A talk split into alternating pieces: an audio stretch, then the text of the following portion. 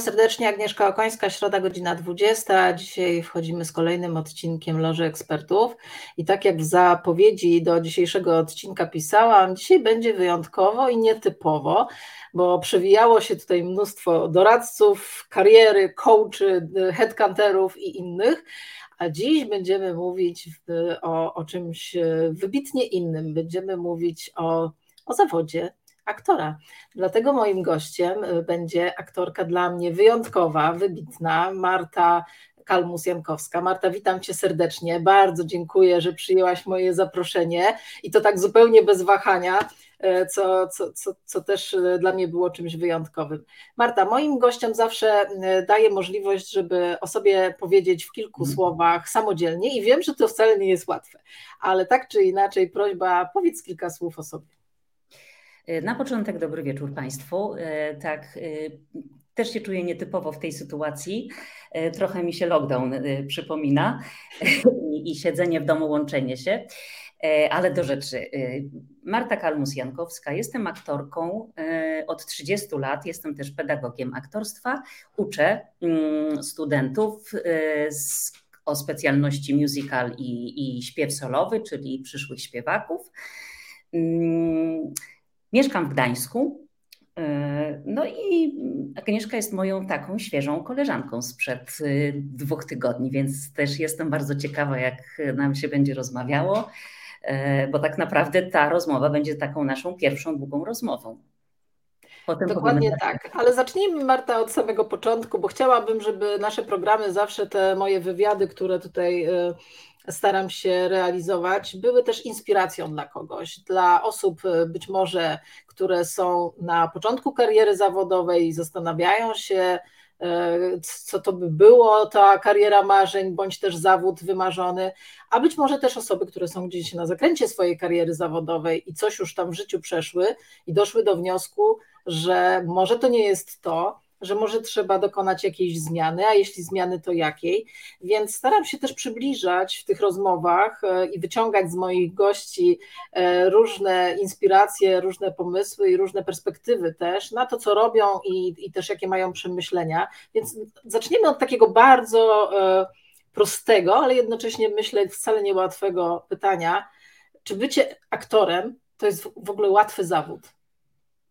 Nie, to ja w ogóle wszystkim odradzam to. Także to, y, to jest też paradoks, że uczę aktorstwa, ale tak naprawdę, gdyby ktoś do mnie przyszedł, to, to pierwsze y, pytania i, i jakieś, jakaś taka wizja tego, co go ewentualnie może czekać, jest y, dramatyczna, więc po spotkaniu ze mną to raczej nie jest zachęcające ale po prostu sama kiedyś byłam w takiej sytuacji i, i na marzenia po prostu nie ma rady. I jeżeli ktoś jest zdeterminowany e, i marzy o tym, żeby być e, aktorem, to żadne spotkanie z żadną taką osobą jak ja mu w tym nie przeszkodzi. E, ten zawód jest trudny według mnie, zwłaszcza teraz, tak jak powiedziałam, ja 30 lat temu e, kończyłam szkołę i kończyłam ją, zaczynałam ją, a e, kończyłam ją też troszeczkę w innej sytuacji, e, bo już po 89 roku po transformacji i naprawdę wtedy też sytuacja w kulturze się zaczęła zmieniać, a w tej chwili ja uważam, że w ogóle ja nie jestem jakby przystosowana do, do tych czasów, nie jestem też tak wykształcona jak młodzi aktorzy, którzy potrzebują dużo więcej wyzwań i dużo więcej umiejętności, żeby dać sobie radę na rynku. Także jest to w tej chwili piekielnie trudny zawód i dobrze mieć jeszcze jakiś jeden, e, który by służył temu, e, żeby mieć jakąś stabilizację finansową i, i móc się rzucić e, właśnie w takie wspaniałe hobby, bo to jako hobby to myślę, że to jest jeden z piękniejszych zawodów. A sama powiedziałaś, że wykładasz właśnie w Akademii Muzycznej w Gdańsku na Wydziale Wokalno-Aktorskim. Czego tak naprawdę uczysz tych swoich studentów? To są takie przedmioty, które muszą odbyć y, adepci. E, to się nazywa na przykład interpretacja prozy i wiersza, sceny dialogowe mm, sceny dialogowe z tekstów współczesnych dramatów i z tekstów klasycznych.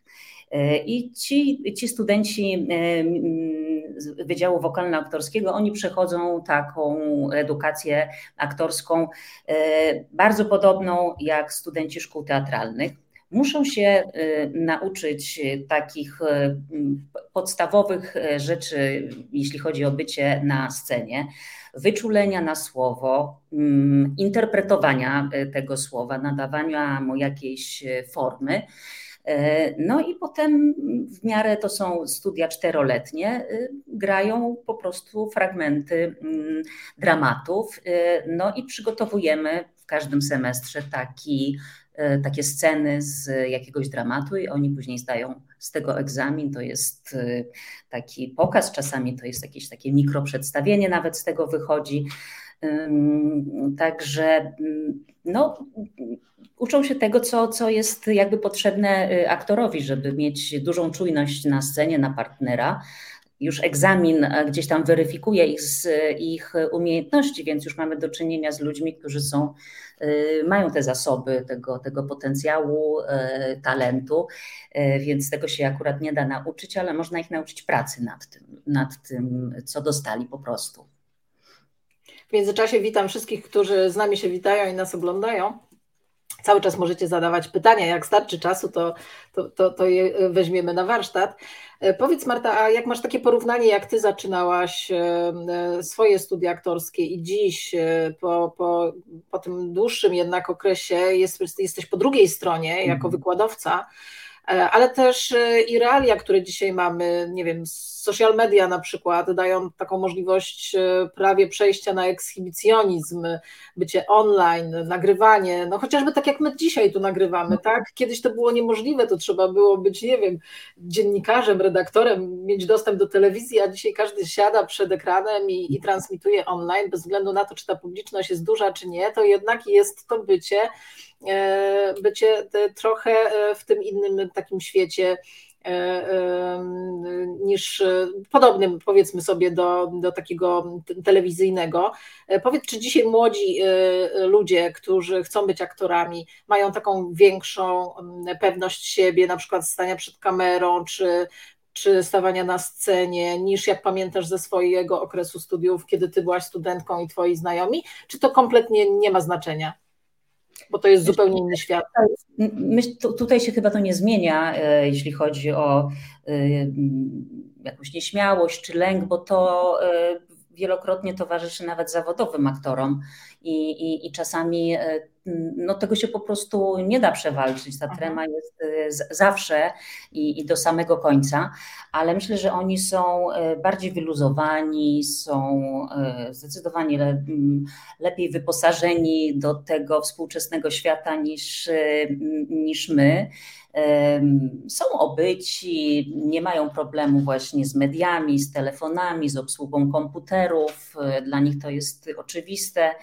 Bardzo popularną rzeczą w tej chwili jest, nagrywanie takich self-tape'ów, czyli nie jeździ się rzadziej już na, na zdjęcia próbne, tylko nagrywa się próbki scen po prostu u siebie w domu i nawet nie są to e, sceny z partnerem, po prostu ten, ten tekst się mówi y, tylko swoje kwestie, a te, y, które należałyby do partnera w żywym planie, się pomija, więc to już jest bardzo skrótowe i też e, trzeba coś takiego umieć, bo, e, bo to jest trochę granie z duchem.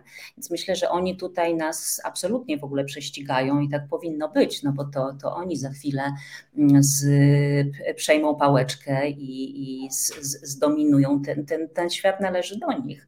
My już jesteśmy, że tak powiem, e, my towarzyszymy z tyłu, nie, nie jesteśmy w żadnym odwrocie, ale na, ale na pewno to, to oni mają mm, do dyspozycji zdecydowanie więcej niż my. Także ta, ta młodzież jest taka jak na miarę 2022 roku. Mhm.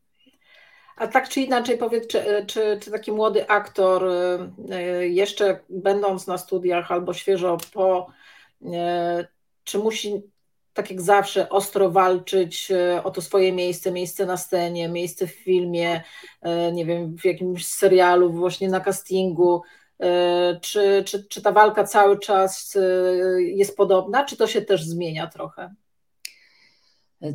Tego jest chyba zdecydowanie więcej, bo ja sobie przypominam z okresu swoich studiów, to takich możliwości to był jedynie film wtedy, to jeździło się na próbne zdjęcia do, do filmu. Mm, seriali wtedy, tych takich w naszym pojęciu dzisiejszym e, nie było jeszcze. E, nie było reklam, nie było, no właściwie można było albo występować w teatrze, albo w filmie, albo w teatrze telewizji. E, a dzisiaj e, oni jeżdżą na castingi i e, jest duże też przyzwolenie i to jest fajnie w szkole, że, że nikt im tego nie blokuje, bo u nas za, za moich czasów, czyli to był ten 88, zaczynałam 92, kończyłam, my mieliśmy no, więcej takich zakazów, bo, bo musieliśmy po prostu w tej szkole się czegoś nauczyć, zanim wyjdziemy, e, żeby ten zawód e, już uprawiać na własną rękę. A dzisiaj ja też jakby sama widzę, że mm, puszczam, jak tylko ktoś ma jakąś propozycję e, teatralną, ma gdzieś jechać, bo nabywanie doświadczenia jest bezcenne i, i, nie będę się przecież upierać, że moje zajęcia są ważniejsze niż to, żeby ktoś pojechał w trasę z jakimś zespołem, chórem, czy pojechał do teatru po prostu zagrać rolę. Y, castingów jest dużo więcej, jest dużo więcej y, po prostu mediów, w których y, można pracować. W związku z tym myślę sobie, że oni tak naprawdę to mogliby tak od castingu do castingu i, i, i, czekać na to, mm, skąd odpowiedzą pozytywnie, czy jakąś pracę się dostało. Więc ten jest dużo bar bardziej agresywny ten świat. Mhm. Nie ma takiego, takiego luksusu i spokoju, jaki towarzyszył latom 90. Mm, I teraz to uprawianie tego zawodu to też jest y, kwestia takiego dużego umiejętności zarządzania też sobą, bo e, bo chyba nie można być, y, trudno się jakby wycofać i myśleć o sobie, że y, jak mają mnie znaleźć, to mnie znajdą. E, bo ja tak jakoś obliczyłam niedawno, że chyba rocznie około 200 osób kończy uczelnie artystyczne. A przecież co roku nie znika 200 młodych aktorów, żeby oni weszli na ich miejsca, więc y, to jest bardzo duży rynek no i tak, no chyba słowo walka to, to do tego też pasuje, no bo oni muszą walczyć, żeby, żeby z, tych, z tego dużego bardzo grona ktoś się wybił i zaistniał. A powiedz, a jak oni sobie radzą psychicznie na przykład z taką presją konkurencji, bo jest taki pogląd, że generalnie trudne czasy wychowują twardych ludzi, natomiast twardzi ludzie E, e, kreują wygodne, lekkie czasy, a lekkie czasy z kolei e, pozwalają na wychowywanie słabych, powiedzmy sobie, ludzi. I to jest taki cykl w historii ludzkości. Więc można sobie powiedzieć, że lata powiedzmy 60. czy 70. nie były specjalnie łatwe, więc byliśmy zahartowani do różnych, e, e, różnych trudnych e, sytuacji. Być może sobie nawet łatwiej radziliśmy ze stresem, ale jak patrzę dzisiaj na, na przykład na moje dzieci już dorosłe, to, to wydaje mi się, że jednak z tym stresem, z tą konkurencją sobie trochę gorzej radzą. Czy jak patrzysz na, na, na młodych aktorów kończących studia, czy będących na studiach, to oni sobie z tą konkurencją dobrze radzą, czy jednak e, powoduje to w nich większą frustrację niż na przykład pokolenie wcześniejsze? E, no, pewnie znasz takie określenie pokolenie płatków śniegu. No to oni są właśnie takimi płatkami śniegu. To są bardzo e, delikatni i wrażliwi ludzie.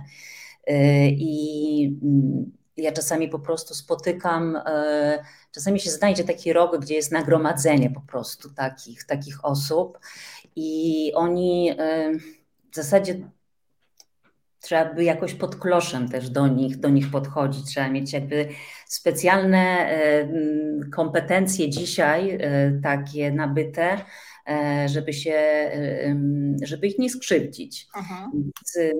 Myślę sobie, że oprócz tego, e, że oni są wrzuceni w taki świat, że właśnie muszą zdobywać no, za pracą idą też pieniądze, oni się zwyczajnie muszą później utrzymać.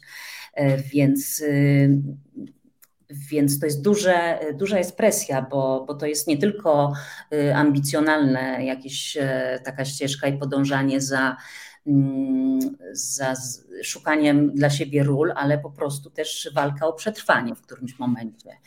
E, I nie chcę tutaj w ogóle jakoś stawiać takiej tezy, że, że z nimi się coś dzieje. Ja nie wiem, jak oni sobie radzą, bo oni też się nie, nie przyznają e, do tego otwarcie, ale e, no skądś są te statystyki tych młodych ludzi, depresji, z prób samobójczych. To jest właśnie ta, ta młodzież, która E, która sobie nie radzi z odrzuceniem, z krytyką, z niskim poczuciem wartości, z konkurencją. Oni są tacy. Rzeczywiście stworzy, oni wyrośli, ale ten świat jeszcze nie nadszedł, w którym oni by się odnaleźli.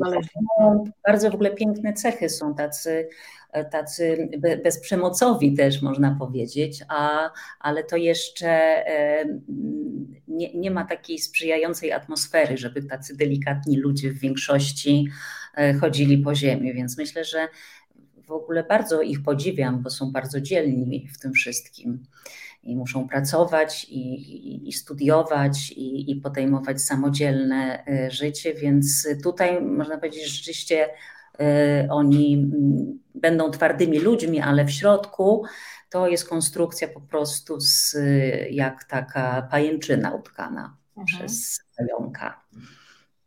Marta, porozmawiajmy chwilę o tobie też, bo drugi cykl, który równolegle prowadzę, to tak zatytułowany jest My Life, My Rules. Mhm. E, I tak e, jak zdołałam Cię odrobinę poznać, bo, bo jak, jak sama o tym wspomniałaś, znamy się bardzo krótko, to, to, to dla mnie masz taki charakter, e, że twoje życie, twoje zasady. E, I powiedz, e, bo to chyba nie jest tajemnicą, że odeszłaś z teatru na dobre.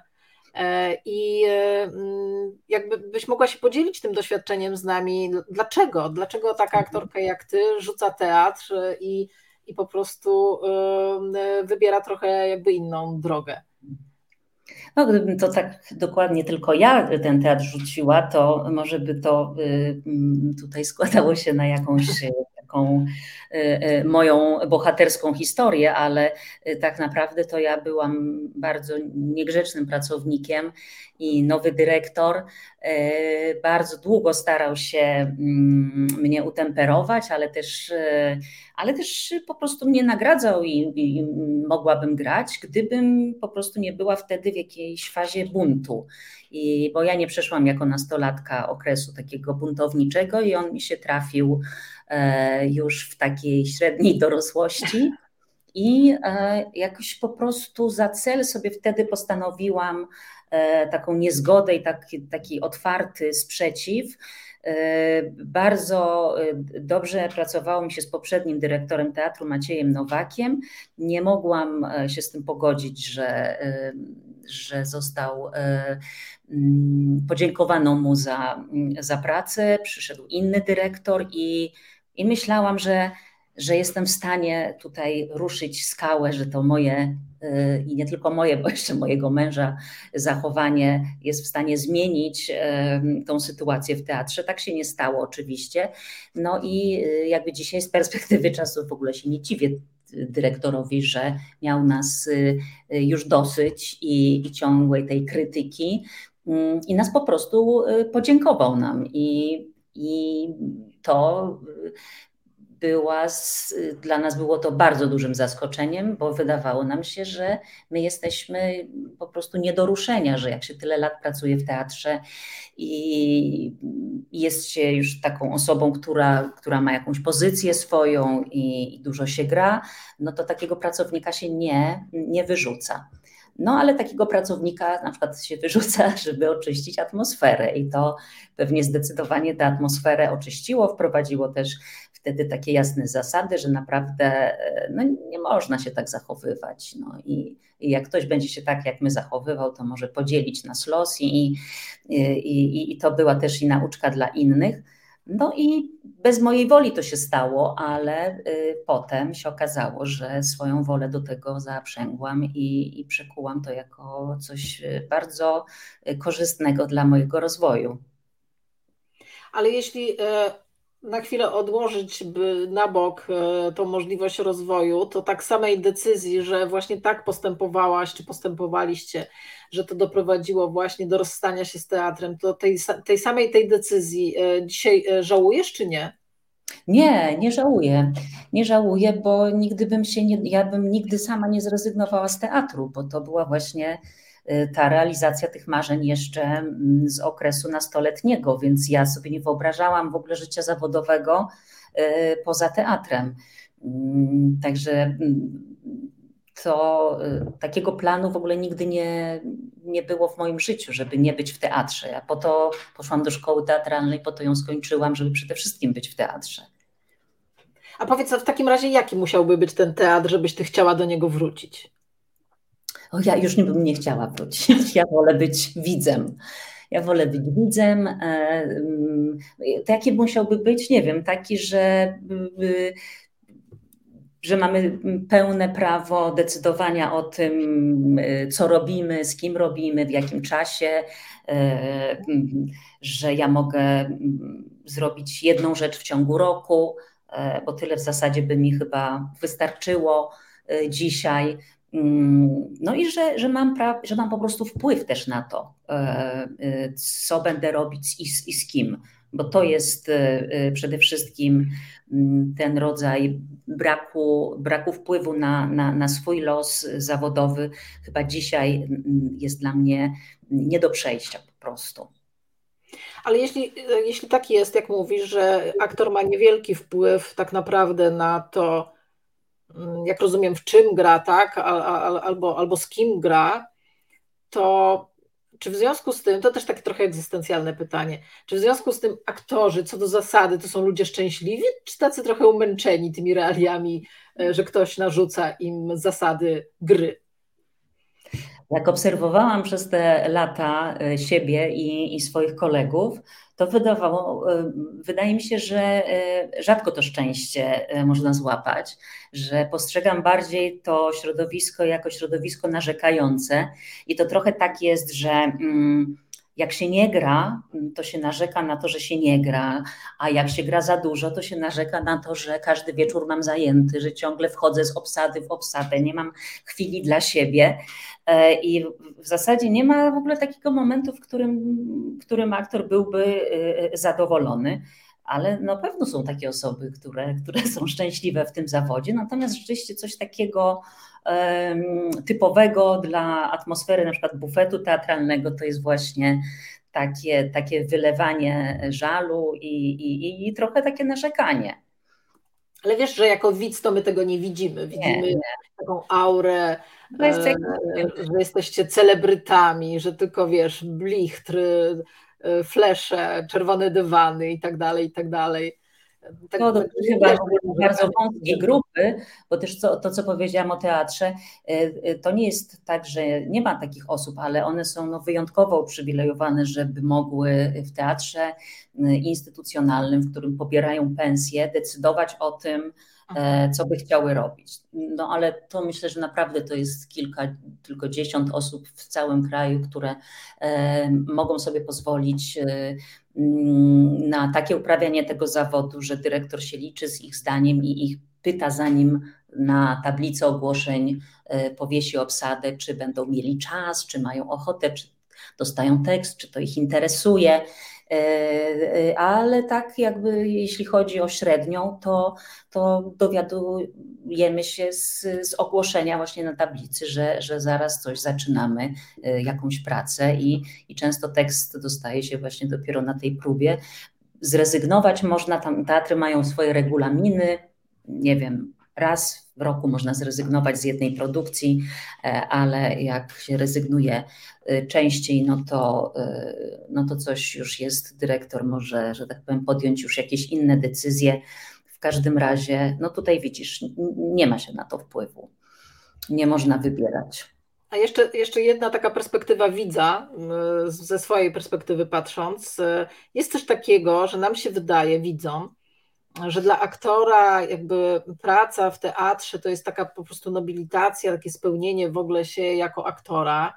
E, z kolei film no najczęściej tam do tych Oscarów gdzieś tam e, e, prowadzą, więc jeśli chodzi o, o jakieś takie mm, popularność taką szerszą i, i, i drogę do, do nagrody daje prawdopodobnie film jakiś dobry. E, a z kolei e, seriale dają po prostu dobrze zarobić, e, ale oczywiście także popularność, bo ja przyznaję ciebie, znam najbardziej z serialu. O tym za chwilę powiem, bo mam taki swój wątek osobisty związany z tym serialem. I, ale jak to jest z Waszej perspektywy? Czy rzeczywiście jest taki podział, czy, czy, czy go nie ma? I jak to jakby godzicie między tymi trzema rodzajami, czyli, czyli taki film normalny kinowy, jakiś serial i, i praca w teatrze? Czy to się da pogodzić, wszystko naraz robić, czy jednak są tacy, którzy tylko w jedno celują? Nie, to, to nie ma u nas takich specjalizacji póki co, że, że ktoś tylko e, gra w serialu. E, po, powoli ludzie podejmują takie decyzje, ale to wszystko można robić e, jednocześnie. Mm, I tu absolutnie masz jakby z, spostrzeżenia y, y, y, w punkt, bo, bo tak jest, że teatr to jest, to jest jakaś taka gwarancja mm, pracy, czyli że jest się w jakimś jednym miejscu z, z ludźmi, którzy tworzą zespół, jest poczucie bezpieczeństwa. E, I tam jest taka praca trochę laboratoryjna, bo, e, bo mamy dużo czasu, e, potem jest granie przedstawień, więc też taka zmierzenie się z tym, żeby to, co mm, zrobiliśmy, żeby to było powtarzalne. Rola w filmie to są myślę, że to dla każdego jest wyzwanie, przygoda, to jest zawsze szansa na, na nagrodę, na, na festiwale. E, I, I to też, e, no jak e, oglądasz czy, czy śledzisz gdzieś tam obsady polskich filmów, to też jest pewna grupa, która w tych filmach gra. To nie dotyczy wszystkich aktorów, którzy w Polsce są zatrudnieni w teatrach, czy ten jakoś zawód uprawiają inaczej. Mm, seriale dały też y, właśnie dużą y, szansę y, ludziom na zaistnienie też na, na tym rynku tele, te, telewizyjnym. No i one rzeczywiście e, pomagają przetrwać. Ja dzięki serialowi na wspólnej e, po prostu mogę też robić e, swoje rzeczy. E, grając w tym serialu, zarabiam na jakieś właśnie realizowanie swoich planów i seriale są różne. E, o niektórych się marzy, tak jak i o rolach filmowych, te seriale zamknięte, robione dla, dla stacji, które mają środki, żeby wyprodukować wysokiej jakości serial Y, żeby tam było widać, że tutaj, że te pieniądze zostały wydane, ale y, nie dlatego, że ma je być widać na, na ekranie, tylko żeby wydać pieniądze, znaczy, żeby dobrze zrobić jakiś serial, potrzebny jest czas, więc to jest tak, że robi się, nie wiem, 3-4 sceny dziennie, a w moim serialu robi się takich scen ponad 10, więc tak naprawdę stwierdziłam, że to jest bardzo trudna praca w takim serialu, który idzie przez tyle lat, bo są czasami bardzo fajne wątki, fajnie napisane sceny, jest coś do zagrania, ale y, często po prostu zwyczajnie nie ma czasu na to, y, żeby się uczciwie do tego przyłożyć i gonitwa czasu powoduje, że, że to jest trochę wszystko po, po wierzchu. Czasami się coś udaje, ale, ale tak naprawdę to, to nie ma czasu na planie takiego serialu na jakieś artystyczne cyzelowanie. To, to dotyczy właśnie tych seriali z kanału Plus, z Netflixa, z HBO, takich zamkniętych forum, forum 13 odcinków, 10 i, i wtedy tam jest pyszna zabawa po prostu zawodowa.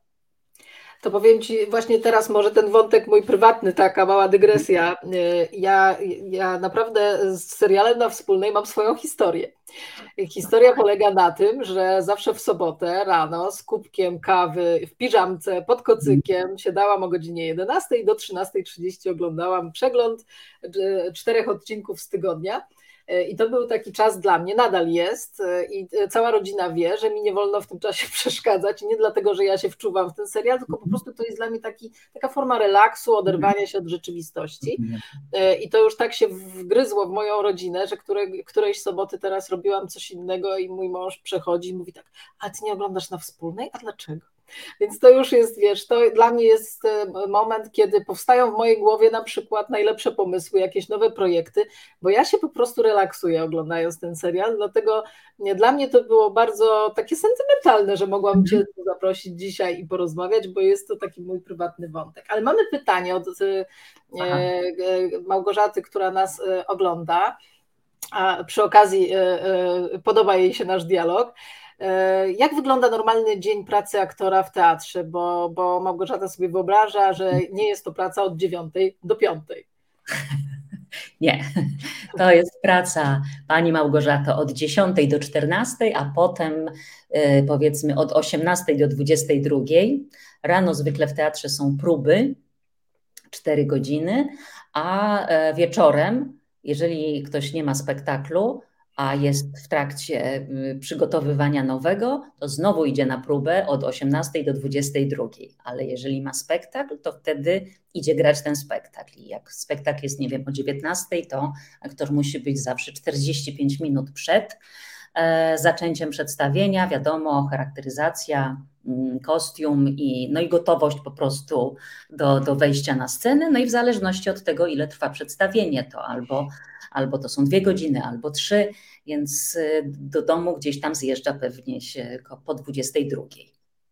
No i potem rano się idzie do pracy na dziesiątą, a w międzyczasie, w tym wolnym czasie, y, no, trzeba po prostu też pracować nad tym, e, co w tej pracy y, będzie potrzebne, czyli nauczyć się tekstu, przemyśleć sobie to, co było poprzedniego dnia, gdzieś to sobie ułożyć, może czasami nawet e, spróbować sobie jakieś rzeczy e, w domu. Więc e, to nie jest tak, że się wychodzi z miejsca pracy i można się zupełnie odciąć i nie myśleć. I w trakcie takiego procesu, jak ktoś przygotowuje rolę, to no trochę jest taki, taki rozkrok pomiędzy rzeczywistością a byciem w tym przygotowaniu. I trudno jest to pogodzić. Znaczy, to się godzi, tylko że zawsze jakimś tam kosztem. Są dni, kiedy trzeba się rzucić w wiry po prostu życia i, i poświęcić ten czas swoim bliskim, ale jest taki, że to bliscy muszą na chwilę mm, się odsunąć, bo, bo trzeba zrobić jakąś ważną dla siebie pracę i, i potrzebny jest ten czas. Więc to jest taki czas pracy nielimitowany. A powiedz Marta, bo mnie to osobiście bardzo interesuje, dlatego że jeżeli ja mam coś mm, poukładane w głowie, jak mam coś powiedzieć, na przykład y, myślę tu o wystąpieniach publicznych, czym więcej ćwiczę ten tekst, tym gorzej dla tego tekstu, bo y, wkradają mi się uproszczenia, wycięcia, gdzieś tam po prostu zaczynam y, na niekorzyść tekstu, który chcę powiedzieć, iść na skróty. Czy kiedy gracie w teatrze, powtarzalnie, na przykład przez, e, przez cały sezon, jakąś jedną sztukę, e, to czy łatwo jest trzymać się cały czas tego tekstu i tak samo zagranej roli, czy, czy jednak trochę, trochę jest tych zmian pomiędzy, pomiędzy wystąpieniami? Mhm. E, nie, to tutaj jest tak, że jak się tego tekstu nauczymy, to, to już ten tekst jest. To tak naprawdę ten tekst uczenie się tego tekstu nie powinno być dla nikogo żadnym problemem, bo to jest y, takie, na, y, y, takie narzędzie, które służy dopiero, znajomość tekstu umożliwia próbowanie i, i, i budowanie roli.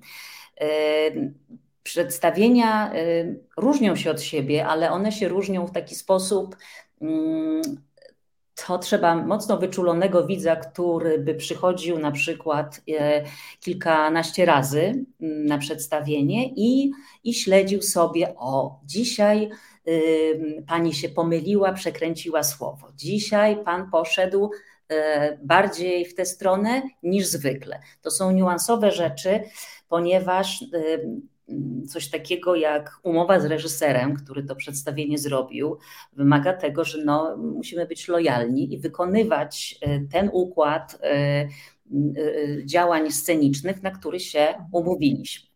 To jest pewien ideał. Wiadomo, że też w zawodzie są różne osoby, które lubią zmieniać i zaskakiwać kolegów i, i robią tego rodzaju żarty, e, które dla innych niekoniecznie są żartami, że zmieniają sytuację i próbują zaskoczyć kolegów, e, żeby w takiej mm, nowej sytuacji znaleźli się w momencie, kiedy patrzy na nich widownia. To jest improwizacja i to jest naprawdę bardzo trudne. Mm, I tak naprawdę w zawodowym teatrze nie, nie powinno być dozwolone, chyba że jest taka wspólna umowa wszystkich, którzy grają i, i reżysera. Także te przedstawienia y, niuansowo się różnią, ale one y, jakby mają swoje y, swój kręgosłup, swoje rusztowanie i my się po prostu po tym, po tym poruszamy.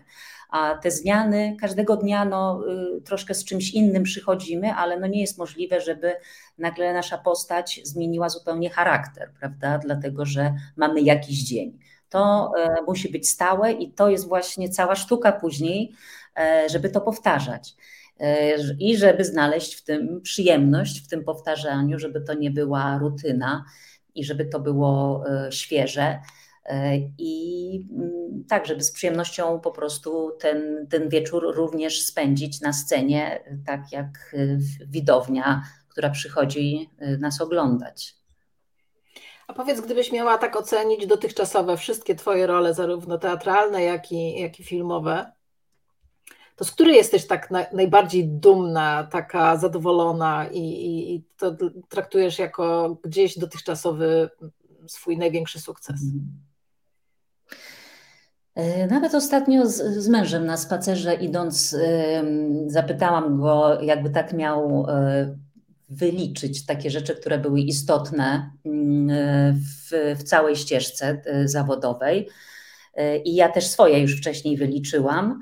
E, jednej nie, jednej bym nie, nie potrafiła wskazać, ale, ale na pewno jest z pięć takich wydarzeń teatralnych, które uważam, że były albo jakimiś dla mnie krokami takimi do przodu, przełomem, albo były takim fantastycznym zbiegiem okoliczności, gdzie spotkali się i ludzie, i tekst, E, I był sukces przedstawienia i podobało się widowni i no i my byliśmy zadowoleni, jeszcze to było jakieś, jeszcze może być do tego, nie wiem, docenienie przez krytykę.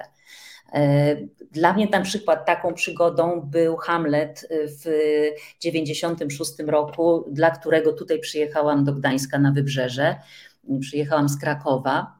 E, a potem po ośmiu latach zagrałam w drugim Hamlecie w reżyserii Jana Klaty i to było, graliśmy w przestrzeni Stoczni Gdańskiej. I trzecia, tak pójdę po tytule z tym Hamletem związane rzeczy, a trzecia przygoda to, był, y, to było spotkanie z performerką Zorką Wolny, która e, realizowała projekt y, Ofelię Ikonografia Szaleństwa i zrobiła research wśród z aktorek, które po 1945 roku zagrały Ofelię w różnych inscenizacjach teatralnych. E, odnalazła te, które e, żyjące i wybrała spo, sobie spośród nich jakąś, jakąś grupę.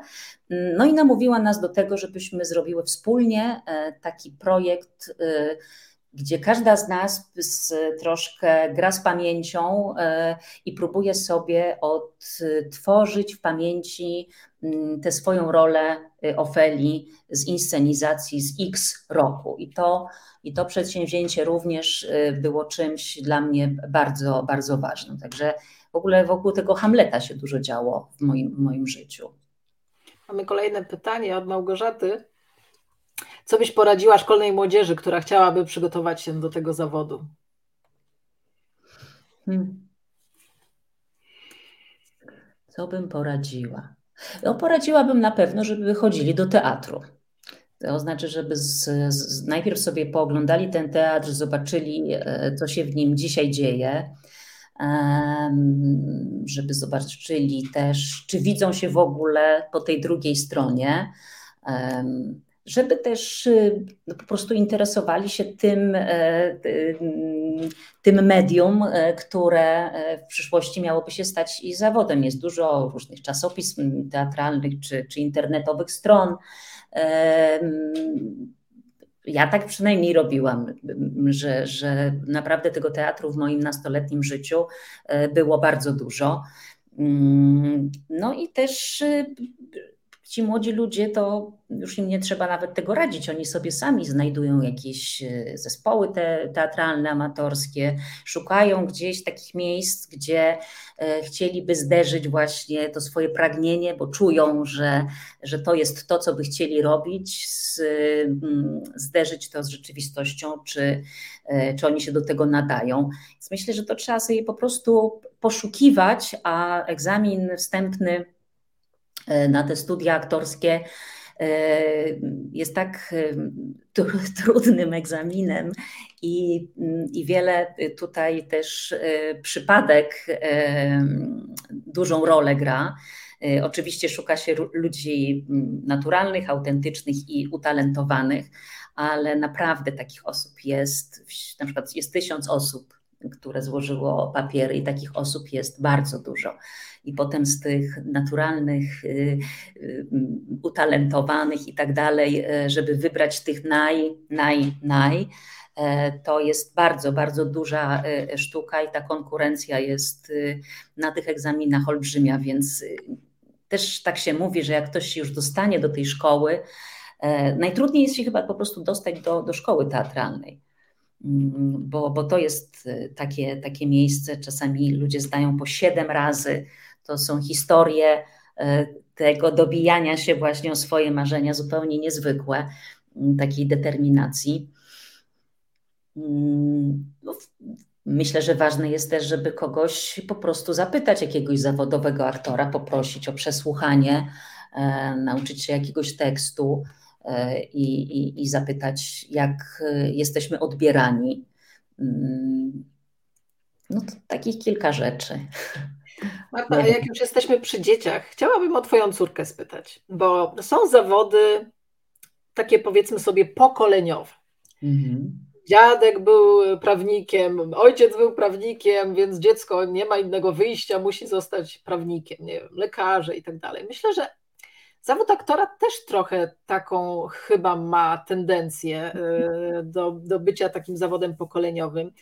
E, Trochę po, poczytałam o, o, o, tobie, przygotowując się do naszej dzisiejszej rozmowy, y, i szczerze mówiąc, nie wiedziałam wcześniej, że twoja córka, Zosia, e, debiutowała w filmie i to od razu nominowanym do Oscara. Mm. Powiedz, opowiedz nam o tym, jak to się w ogóle stało i, i czy, czy ty jesteś e, zwolenniczką tego, żeby twoja córka była aktorką, e, a, a nawet jeśli nie jesteś, to jeśli ona taką drogę by chciała obrać, to czy będziesz ją wspierać w tym i jak to było z tą rolą? Mhm.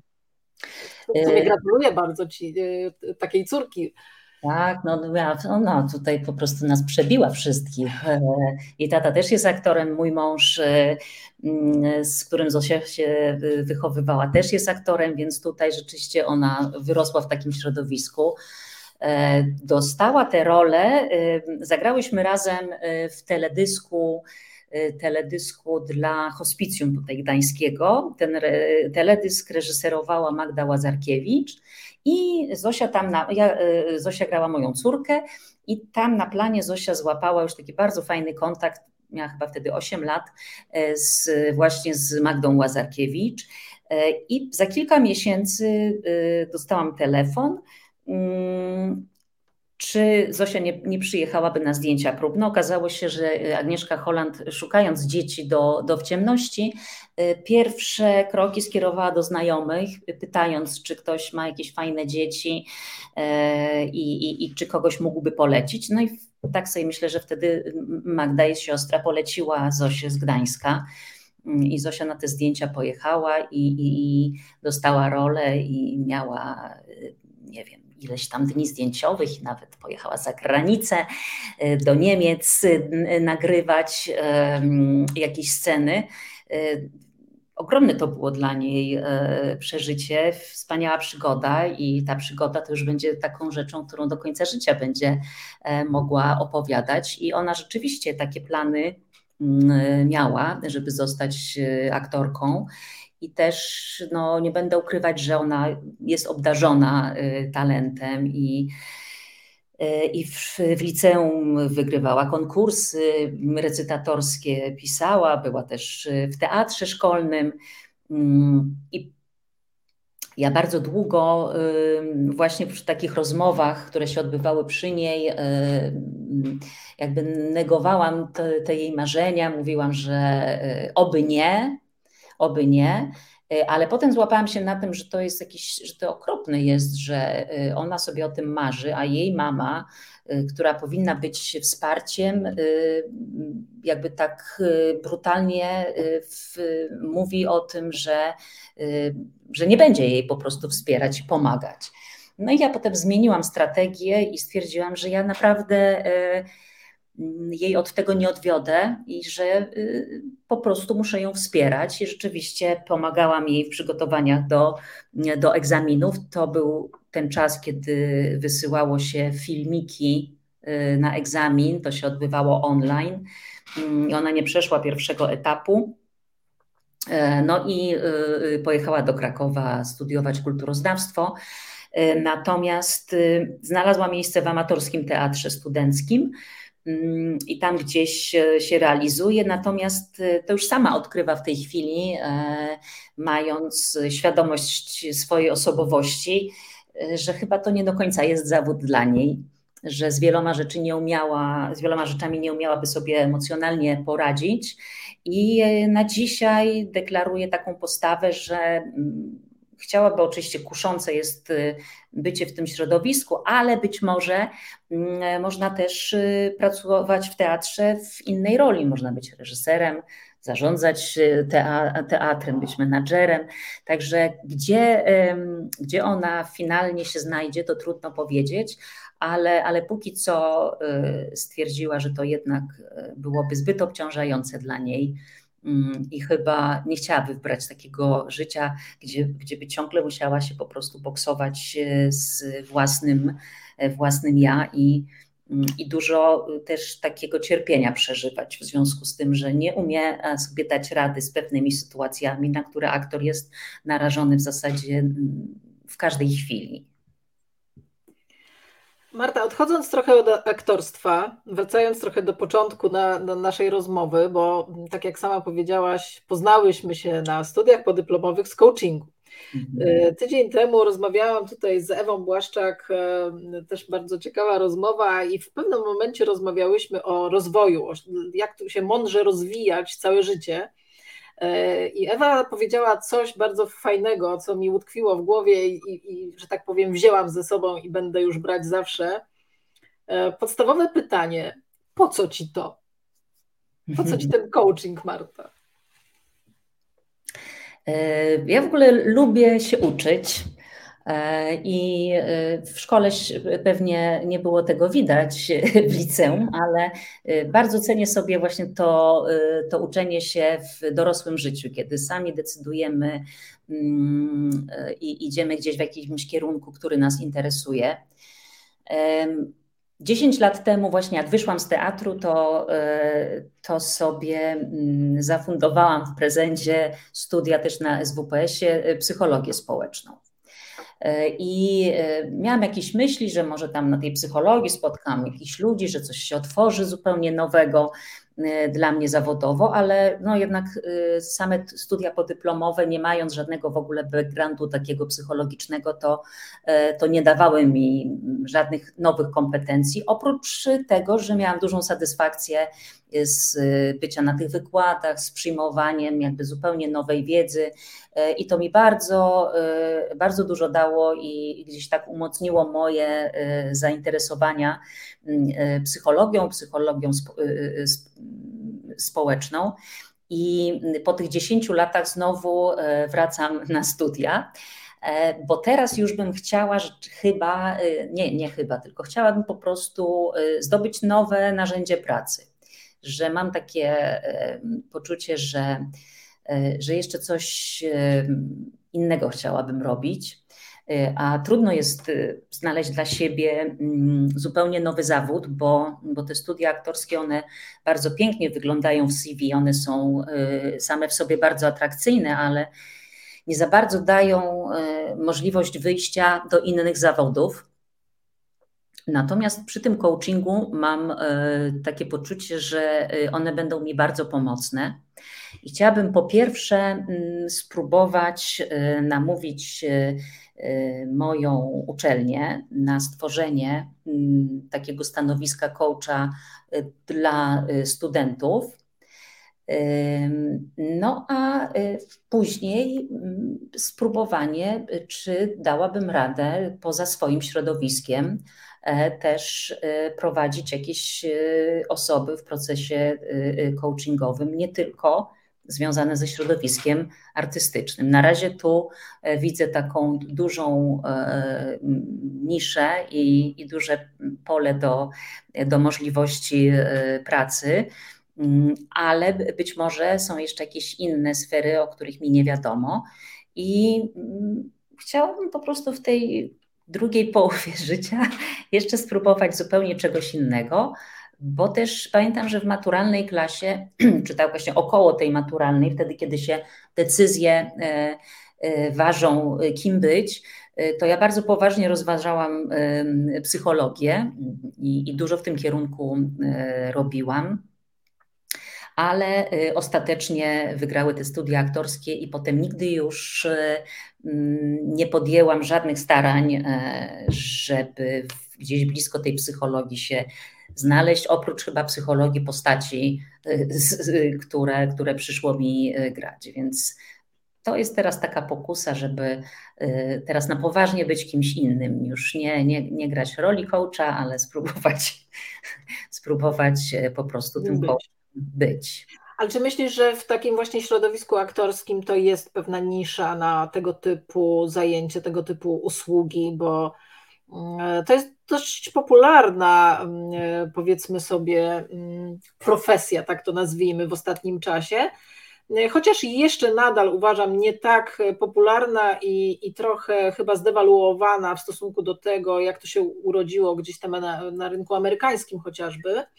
E, e, ale, ale tak myślę, że warto właśnie sobie takie nisze znajdować, typowe i y, gdzieś tam tym swoim doświadczeniem zawodowym dotychczasowym wspierać to, ten, ten obszar tej niszy gdzieś tam.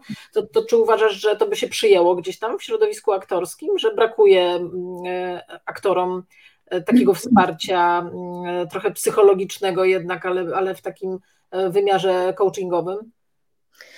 Y, tak, tak, dlatego że y, tak jak mówiliśmy o tej młodzieży, takiej bardzo y, delikatnej i zagubionej, to tutaj na, na pewno przy starcie, czy też już w trakcie edukacji,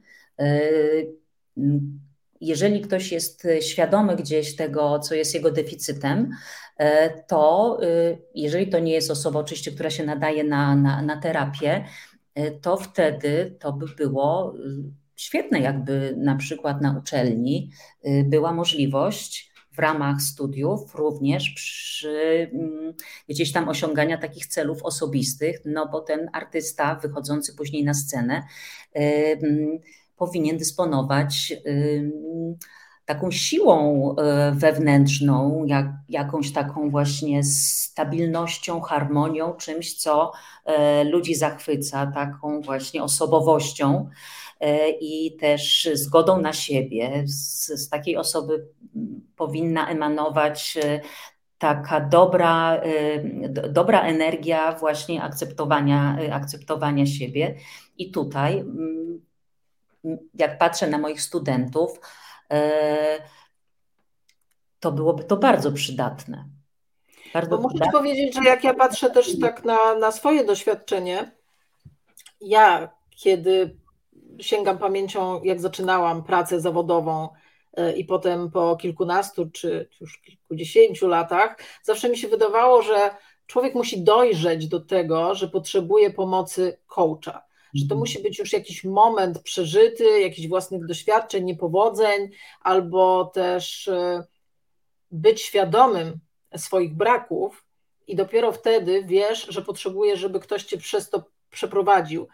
Ale jak patrzę dziś z perspektywy z drugiej strony, jakby, jak, jakie osoby do mnie na przykład przychodzą na taki mentoring, coraz więcej młodych ludzi, takich bardzo młodych, naprawdę, takich dwudziestokilkuletnich, trzydzieści to już jest powiedzmy szczyt szczytów.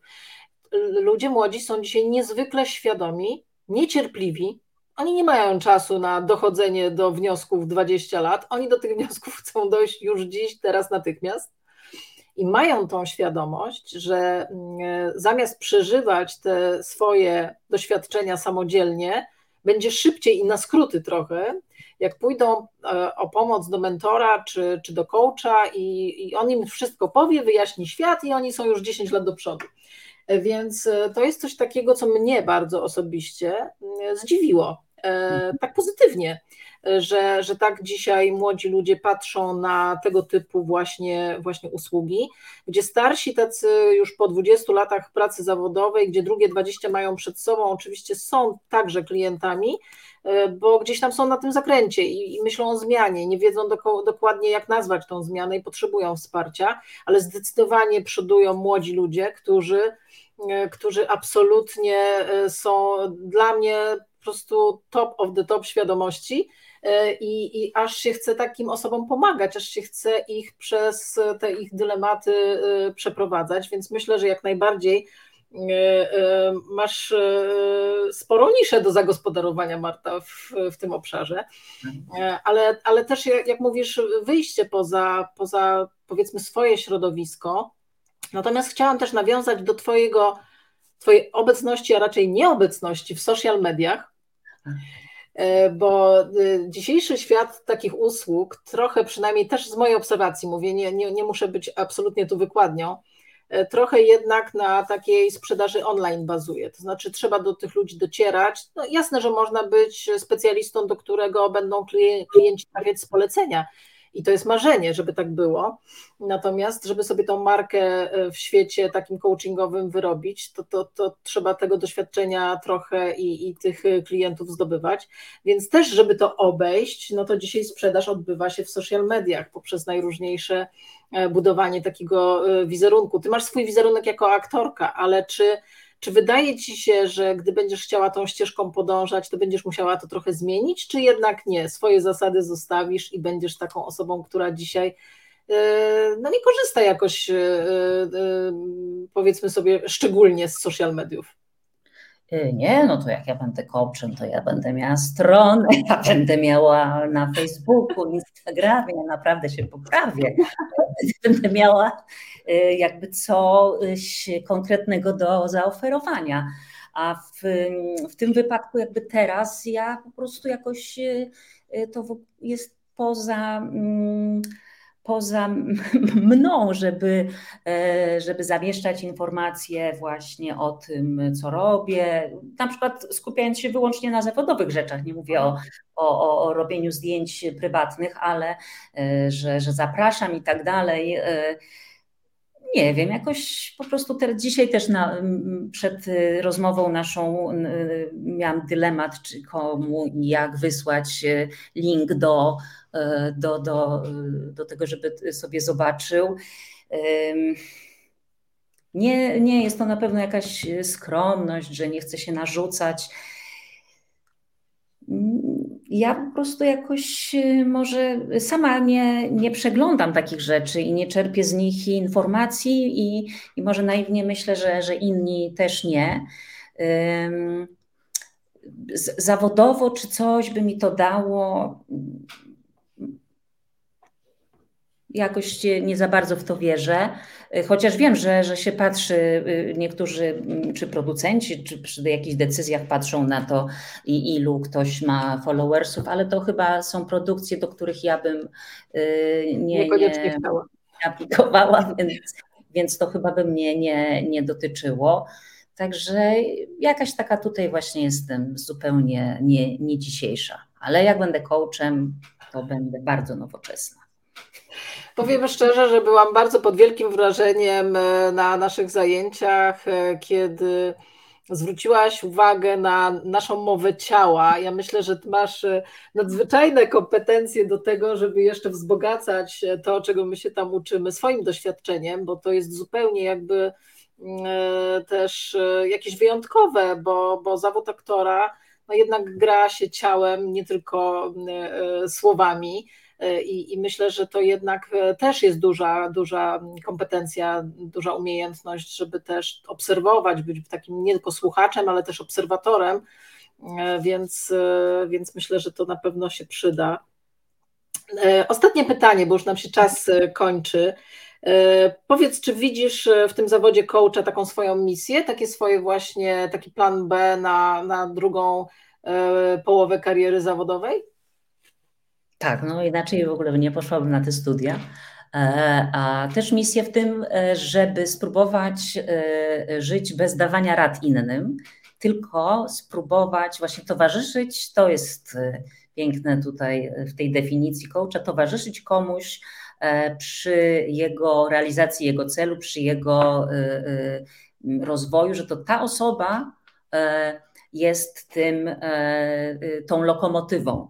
My tak naprawdę y, to tylko, że tak powiem, wspomagamy, ale próbować komuś pokazać jego, jego potencjał, to, to mi się bardzo podoba, bo myślę, że już tyle rad w życiu różnym osobom dałam i ciągle się obracam w kręgu właśnie poradnictwa. I, I, chciałabym po prostu zobaczyć, jak to jest, jak ludzie tak pięknie rozkwitają, jak im się tylko pozwoli na to. Marta, przepiękna puenta. Jak tu spróbować nie dawać rad innym? Myślę, myślę że, że, że świetne zakończenie naszej rozmowy, bardzo, bardzo inspirującej dla mnie. Było mi niezwykle miło z Tobą spędzić ten wieczór. No mnie też bardzo dziękuję za zaproszenie, naprawdę.